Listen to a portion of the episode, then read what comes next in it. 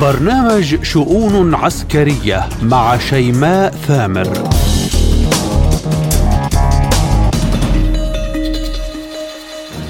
مرحبا بكم. قذائف اليورانيوم هدايا جديدة من واشنطن لكييف. موسكو تقول من حقنا استخدام السلاح النووي فور وصولها. الناتو يؤكد أن أوكرانيا لن تنضم لبيته كونها بحالة حرب. فمتى تنتهي حرب نارها تشتعل بسلاح ومدد غربي؟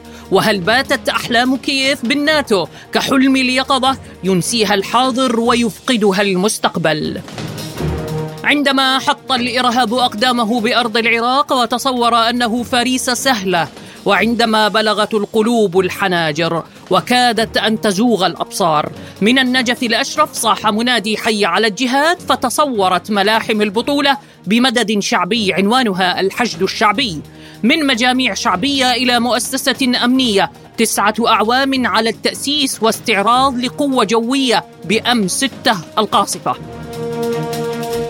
خصمان شرسان هكذا تصف الأوساط العسكرية إيران وإسرائيل. طهران تطور قوتها العسكرية وصاروخ الفتاح جديدها وتل أبيب تكثف مناوراتها وتضع خطط جديدة لضرب إيران. فلماذا طبول الحرب تقرع بهذا التوقيت؟ وما السر وراء ذلك؟ كل هذا وأكثر بحلقة اليوم من شؤون عسكرية. عبر وكالة سبوتنيك الإخبارية بموسكو أصحبكم بها أنا شيماء ثامر التفاصيل بعد الفاصل. كشفت مصادر غربية أن إدارة الرئيس جو بايدن وبتوصية من البنتاغون تتجه نحو تزويد القوات الأوكرانية بقذائف اليورانيوم المنضب لمساعدتها بالتصدي للدبابات الروسية. بحسب المصادر هذا الأمر يأتي بعد أسابيع من النقاش داخل الإدارة الأمريكية بشأن كيفية تجهيز دبابات أبرمز التي تقدمها الولايات المتحدة لكييف. من جهتها تواصل القوات الروسية التقدم والنجاح بالتصدي للهجوم المضاد الأوكراني وبينت موسكو أنها ستلجأ إلى استخدام السلاح النووي التكتيكي محدد الأهداف في حال وصول قذائف اليورانيوم من الغرب.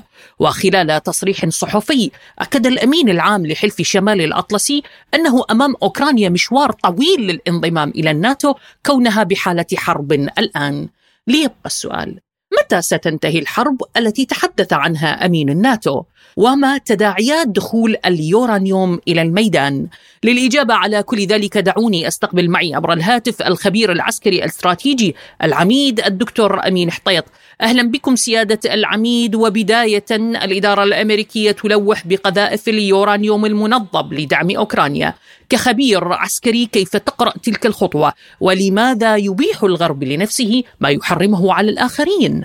نعتقد بأن إقدام الولايات المتحدة الأمريكية والغرب على اتخاذ قرار خطير بتزويد أوكرانيا بالقنابل ذات التركيب باليورانيوم المنضد هو تصعيد خطير للمواجهة. ورغم آه، فضلا عن أن هذا القرار يخالف القواعد الدولية وهو ينتهك هذه القواعد باستعمال سلاحا محرما آه، باستعمال سلاح محرم دوليا فإنه يضغط على روسيا لتجاريهم بالمثل.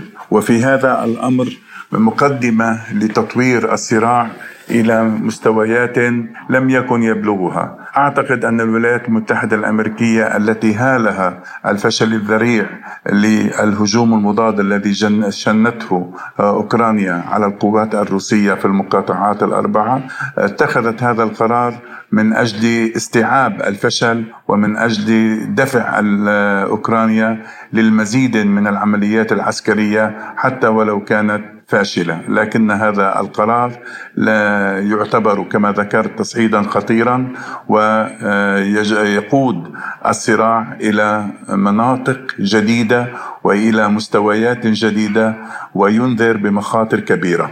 طيب بالتأكيد روسيا لن تقف مكتوفة الأيدي أمام هذا التصعيد الخطير وبالتأكيد أنها قد تلجأ إلى استخدام النووي يعني آه، ما هي خيارات روسيا للرد على هكذا تصعيد؟ أمام هذا التصعيد الذي ذكرنا وقلنا أن روسيا لا يمكنها إلا أن تجاري التصعيد بالتصعيد آه، روسيا تخوض معركة وجود وليست معركة حدود أو معركة حقوق فقط بل معركة وجود وحرب وجودية ولهذا السبب إن إقدام الغرب على استعمال اليورانيوم المنضد سيدفع روسيا بدون شك إلى آه، في مرحلة أولى إلى استعمال اليورانيوم المنضد أيضا والتطوير الرد ليستوعب المخاطر باستعمال الأسلحة النووية التكتية المحدودة الانتشار والعالية الفعالية في الميدان مباشرة. وهذا أيضا سيجعل كرة الثلج تتدحرج أكثر وتكبر أكثر وتكون المواجهات آه، على أعتاب مستويات جديدة قد تدفع بالانفجار العالمي والانفجار النووي. إن قرار الغرب باستعمال الأسلحة آه، آه، ذات اليورانيوم المنضد هو قرار خطر يتعدى في مفعوله الحدود الأوكرانية ليشمل الصراعات برمتها ويضغط على الفريق المستهدف بأن يتقي مخاطر تلك الأسلحة باستعمال أسلحة نوعية وفقا لقاعدة التناسب والضرورة المعمول بها في الصراعات العسكرية. بالحديث عن قضية انضمام أوكرانيا لحلف الناتو يعني تصريح لأمين الناتو يؤكد بأنها بالوقت الحالي لن تتمكن من الانضمام كونها بحالة حرب. هل برأيكم بدأ الناتو يتملص من وعوده لكييف؟ وهل باتت هذه أحلام يقظة؟ لا شك بأن ميثاق الحلف الأطلسي يمنع انضمام دولة إن كانت في حالة حرب لأن هذا الحلف لا لا يستورد المشاكل مباشرة. وبالتالي هذه الحرب التي نحن بصدد الحديث عنها آه، لا يبدو أن هناك أفق بالنسبة للولايات المتحدة الأمريكية لإنهائها بعد أن استعملت آه، أو اعتمدت استراتيجية إطالة أمد الصراع وميولها دائما مركزة على فكرة اقتياد روسيا إلى حرب استنزاف. فهذه الحرب لن تكون قصيرة وبالتالي في هذا الإطار لا أعتقد أن أعضاء الحلف الأطلسي بإمكانهم في مجموعهم أن يخالفوا قواعد الميثاق ويضموا دولة في حالة حرب. أما إذا انتهت الحرب وستنتهي في يوم ما فإن نهايتها كما هو مرتقب ستكون بشعة لأوكرانيا وستكون سيئة على الحلف الأطلسي. لذلك لا أعتقد أن من مصلحة الحلف الأطلسي أن آه، يضم آه، حالة بهذه بهذا السوء وبهذه البشاعة. وبالتالي أعتقد أن في حالة الحرب لن تضم أوكرانيا إلى الحلف الأطلسي لأن الميثاق يمنع، وبعد الحرب لن تضم لأن واقعها يمنع، وبالتالي نستخلص القول بأن وعود أمريكا لأوكرانيا بضمها إلى الحلف الأطلسي هي وعود عرقوبية لا تمكن أن تنفذ وتكون أوكرانيا خدعت بسراب ووهم ودفعت الكثير من آه، إمكاناتها ومن سلامها ومن أمنها آه، وهي تجري وراء الوعود الأمريكية الكاذبة. وهذا هو شأن أمريكا مع دول العالم. تستخدمها ثم ترويها ترميها في سلة المهملات. ختاما سيادة العميد ميدفيديف أكد أن آه، من حق روسيا ولضمان أمنها أن تكون هناك منطقة منزوعة السلاح تمتد إلى فنلندا. كيف تفسر ذلك من الناحية العسكرية؟ لقد أثبتت التجربة الأوكرانية وما أعقبها من محاولات لضم دول جديدة إلى الحلف الأطلسي أن أن أمريكا تضع في جدول أعمالها لا بل على رأس جدول أعمالها كيفية الإضرار بروسيا ولهذا السبب على روسيا أن تتخذ من التدابير ما يمكنها من الدفاع عن نفسها عن أرضها عن شعبها عن وحدتها وهذه التدابير يمكن أن تكون آه، في ثلاثة عناوين. العنوان الأول وهو الأساس هو آه، عقد اتفاق أو تفاهم بين روسيا والحلف الأطلسي بعدم تغيير الوضع القائم حاليا في المنطقة من بمنع ضم دول جديدة ومنع آه، توسع هذا الحلف باتجاه روسيا وهذا الأمر يعتبر حقا مشروعا أن تطالب به روسيا. العنوان الثاني إقامة منطقة منزوعة السلاح. آه، تكون كافية للدفاع عن آه، مصالح الشعوب القائمة فيها وتجهض فكرة الأخطار التي تتهدد روسيا وتعطل أي خطط من شأنها أن آه، تفتح بابا لنزاعات جديدة. المسألة الثالثة العنوان الثالث هو في حال عدم الالتزام بالعنوان الأول والثاني هو آه، تهيؤ روسيا لمواجهة عسكرية دائمة للحفاظ عن أمنها. كما حصل في آه، أوكرانيا قد يتكرر الأمر في دول أخرى. وهذا الأمر ليس من مصلحة آه، أوكرانيا. وليس من مصلحة أي من الدول المجاورة لروسيا كما أن روسيا تتضرر منه وهو ضرر إجمالي. فبالتالي إن أفضل حل من الحلول الثلاثة وأيسرها وحفظا لمصالح الجميع هو إقامة منطقة منزوعة السلاح آه، والاتفاق على عدم توسع الحلف الأطلسي ليكون محاذيا أو آه، محاددا لروسيا مع ما يشكله هذا هذا التحادد من مخاطر على الأمن الروسي القومي. الخبير العسكري العميد أمين حطيط كنت معي ضيفا كريما شكرا لكم وحياكم الله.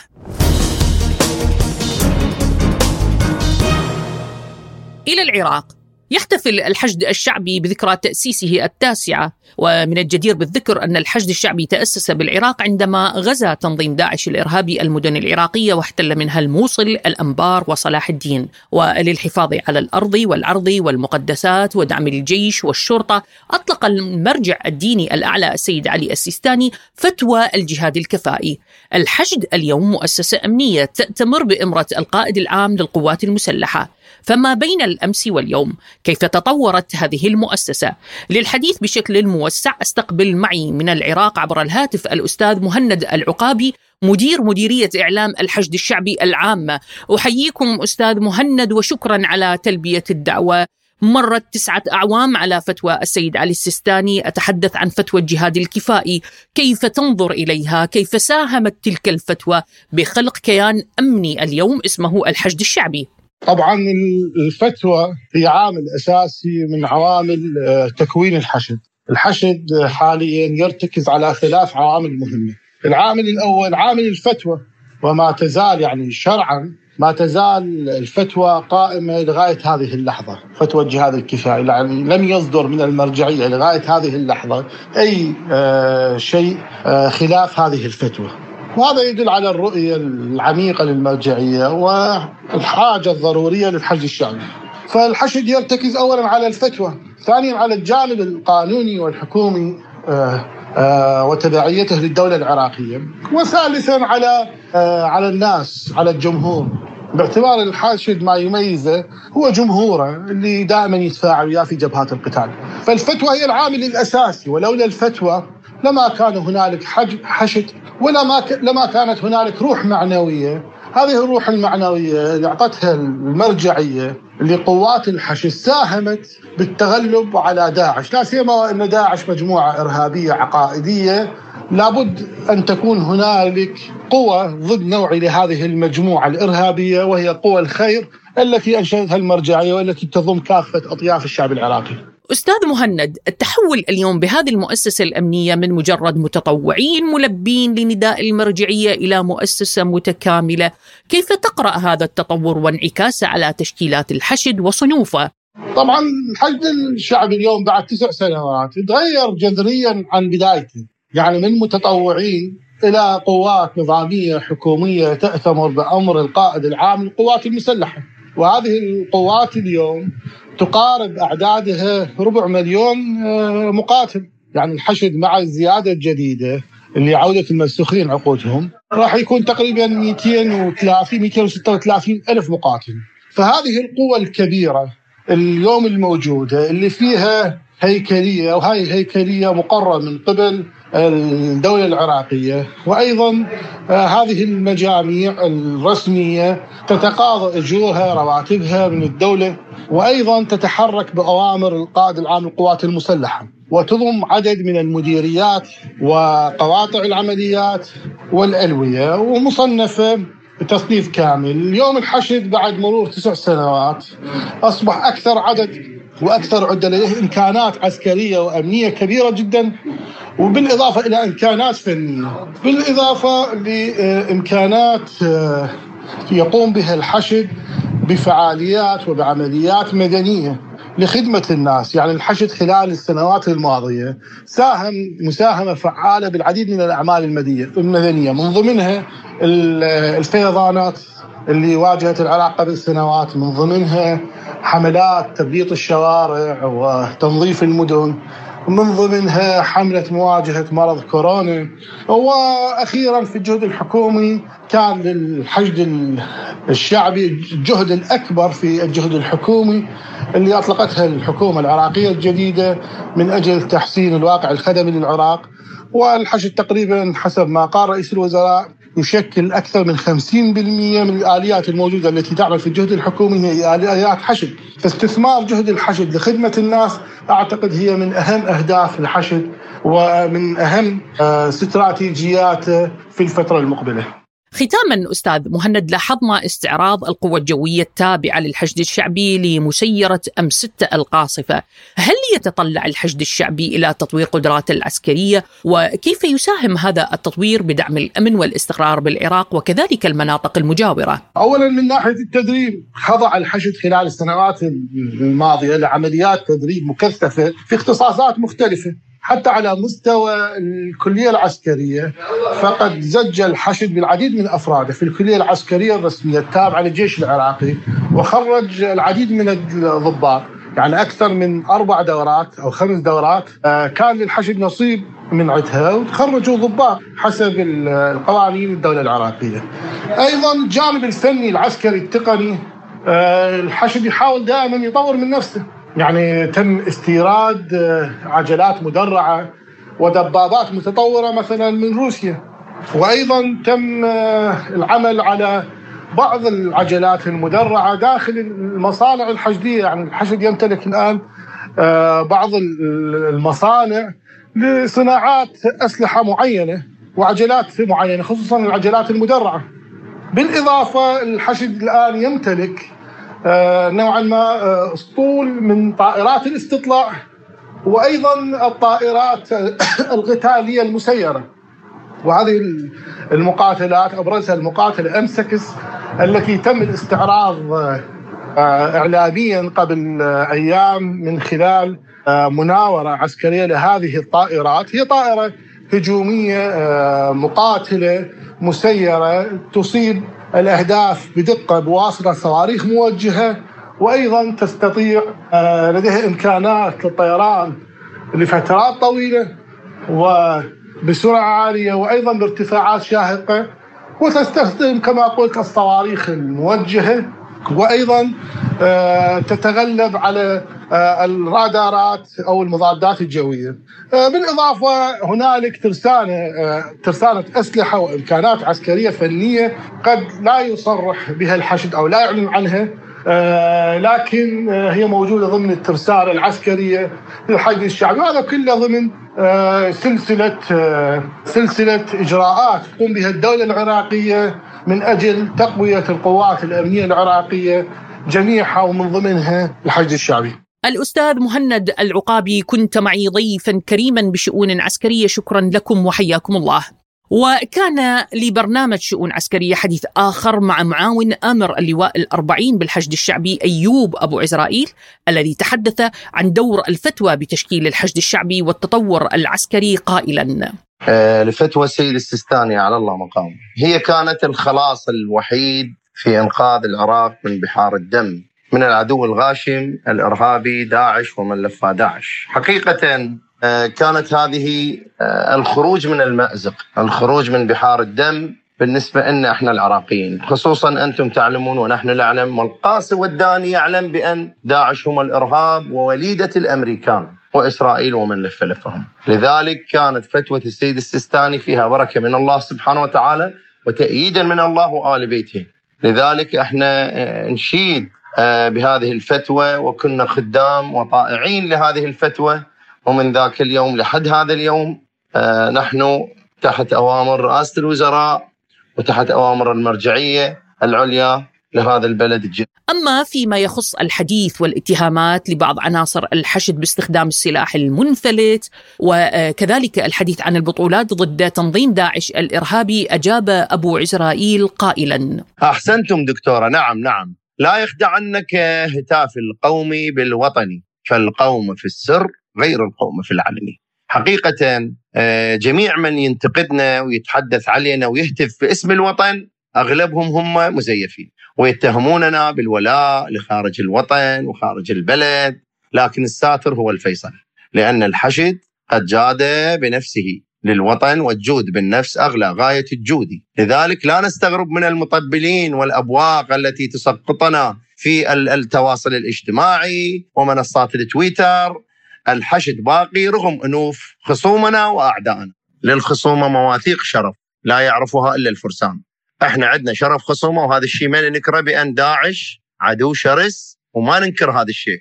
لكن ما واجهوا أبطالنا وما واجهونا في ساتر الشرف وقتلناهم شر قتله لكن لا يتوقف نزيف خروجهم من أوردة الجحور إلا بإنهاء الشيطان الأكبر أمريكا وأعوانها. لذلك هم من يجلبوهم لنا. وسبب دمار العراق إن شاء الله سوف نبقى مستمرين في المساق الجهادي ونحن تحت أوامر رئاسه الوزراء لحماية هذا البلد أخوكم المجاهد المنتمي إلى حركة العراق الإسلامية كتائب الإمام علي صلوات الله وسلامه عليه والمعاون العسكري لآمر لواء 40 ومسؤول ملف بغداد العسكري للكتائب. في خدمتكم والسلام عليكم ورحمة الله وبركاته.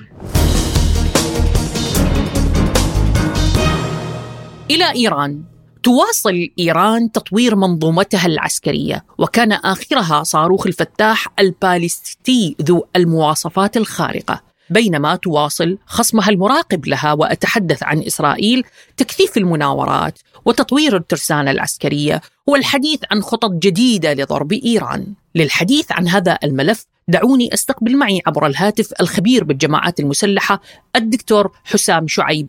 أحييكم دكتور معي بشؤون عسكرية وأشكرك على قبول الدعوة. بداية كخبير كيف تنظر إلى التطور العسكري الإيراني؟ الاستراتيجية الجديدة لإيران. أتحدث عن تطورها التقني وكان آخرها صاروخ الفتاح البالستي. أشكركم على هذه الاستضافة. وإجابة لسؤالكم الكريم.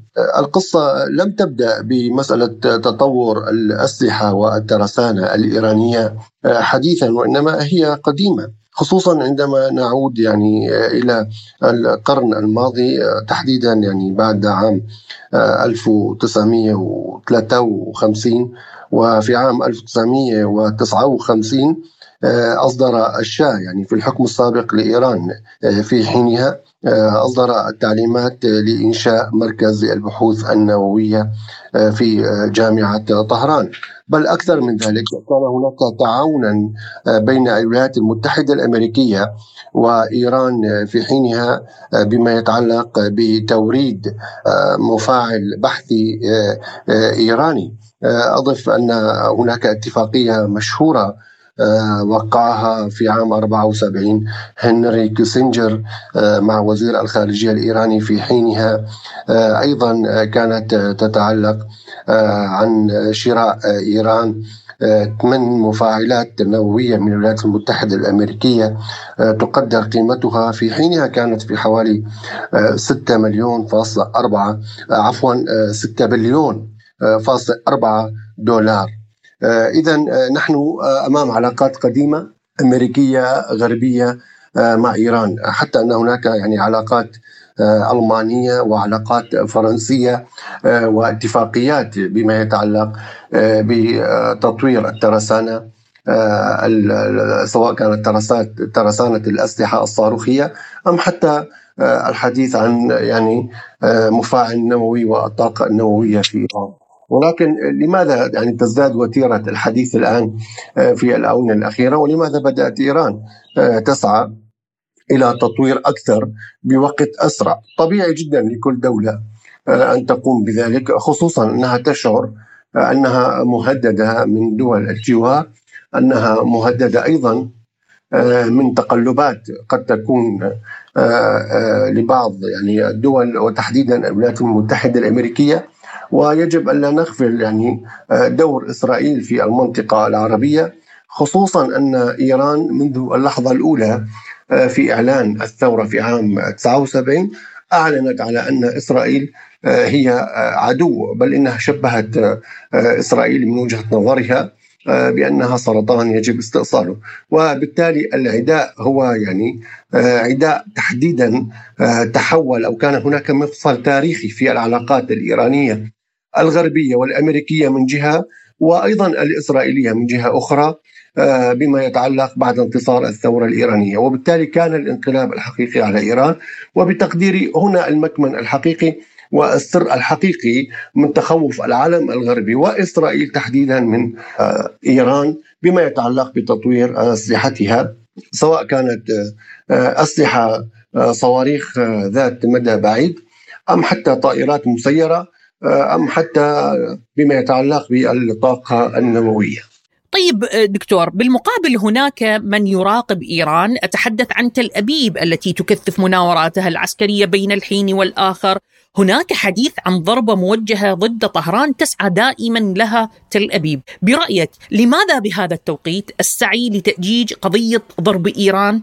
وهل مسألة توجيه الضربة هي بروباغندا إسرائيلية أمريكية وستبقى ضرب تحت الحزام فقط؟ نعم يعني في سؤالكم فيما يتعلق هل تسعى إسرائيل للبحث عن بروباغندا؟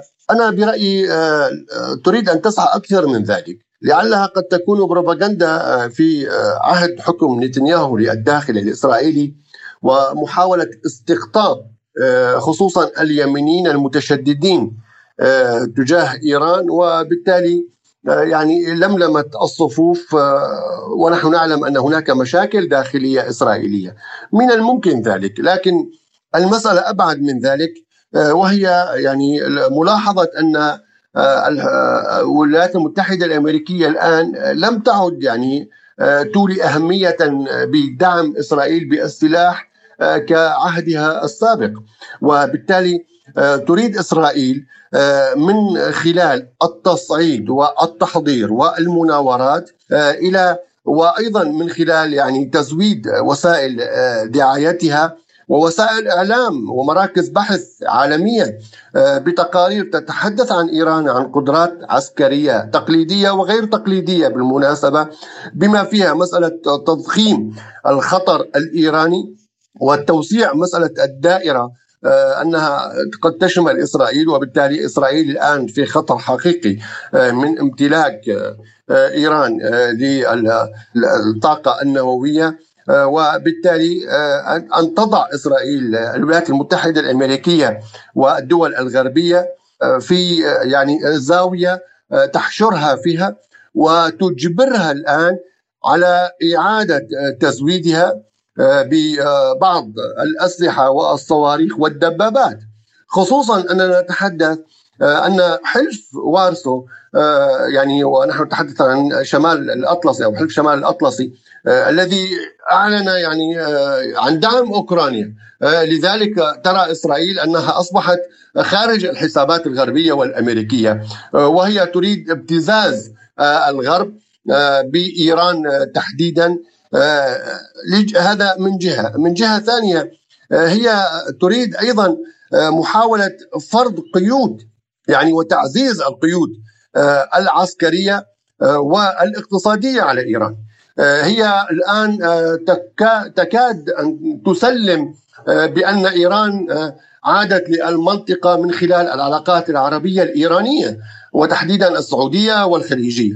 وبالتالي لم تعد يعني الجهود الإسرائيلية تنفع الآن في إعادة إيران إلى عزتها. وبالتالي تسعى إلى فرض قيود قد تكون اقتصادية على المستوى العالمي على إيران وقد تكون عسكرية أيضا وبالتالي منع إيران من المضي أو الاستمرار من جهة في تطوير ترسانتها العسكرية ومن جهة ثانية من دعم حلفائها لا سيما حزب الله في لبنان ولا سيما عندما نتحدث عن التواجد الإيراني في سوريا والضربات المتكررة الإسرائيلية على سوريا يعني تفسر ذلك جليا وواضحا أن هناك خيبة أمل إسرائيلية وهي تسعى لمحاولة يعني كبح إيران أو ضبط إيران. حتى اللحظة يبدو أن الإيرانيين وحتى السوريين هم لا يريدون الخوض في معركة هي ستفتح جبهة كبيرة. يعني بمعنى آخر الرد سيكون ليس على مستوى فردي وليس على جبهة محددة. وبالتالي نجد أن هناك صمتا تجاه الضربات أيضا المتكررة الإسرائيلية على سوريا بحجة آه، مواقع إيرانية أو بحجة مستشارين إيرانيين أو بحجة وصول أسلحة إيرانية إلى آه، سوريا. آه، أضف على أن المسألة الثالثة التي تخشاها إسرائيل وأنا بتقديري هي المقلقة أكثر هو حزب الله الذي حتى هذه اللحظة لم تستطع إسرائيل أن تلحق به هزيمة وكلنا يتذكر يعني 2006 وإلحاق الهزيمة بإسرائيل ونحن نتحدث عن حزب آه، يمتلك يعني آه، صواريخ ودبابات ميركافا التي آه، تحولت إلى مقابر ولم تعد تستطيع أن تتباهى بها. أيضا عن قوة متنامية في الداخل الفلسطيني بالنسبة لحركات المقاومة الفلسطينية. بتقديري أن إسرائيل تسعى لمحاولة التضخيم وهي تريد أن تذكر بنفسها خصوصا أنها يعني ترى اليوم أن هناك خيبات أمل كبيرة بعد تزويد أوكرانيا وأيضا دخول التحالف الإيراني الروسي على المستوى العسكري وعلى المستوى الاقتصادي وأيضا المحور الذي انتصر في سوريا يعني لذلك آه، تجد إسرائيل نفسها أنها باتت في عزة حقيقية وأن كل تلك الجهود لم تنفع حتى هذه اللحظة. الخبير بالجماعات المسلحة الدكتور حسام شعيب شكرا لكم وحياكم الله. إلى هنا أصل وإياكم مستمعينا الكرام لختام حلقة اليوم من شؤون عسكرية. رافقتكم بها من وراء الميكروفون بإعدادها وتقديمها الدكتور شيماء ثامر. شكري لضيوفي كل من الخبير العسكري العميد أمين حطيط الأستاذ مهند العقابي مدير مديرية إعلام الحشد الشعبي معاون آمر اللواء الأربعين أيوب أبو عزرائيل والخبير بالجماعات المسلحة الدكتور حسام شعيب. للمزيد زوروا موقعنا الإلكتروني arabicsputnik.ae دمتم بأمان الله وحفظه.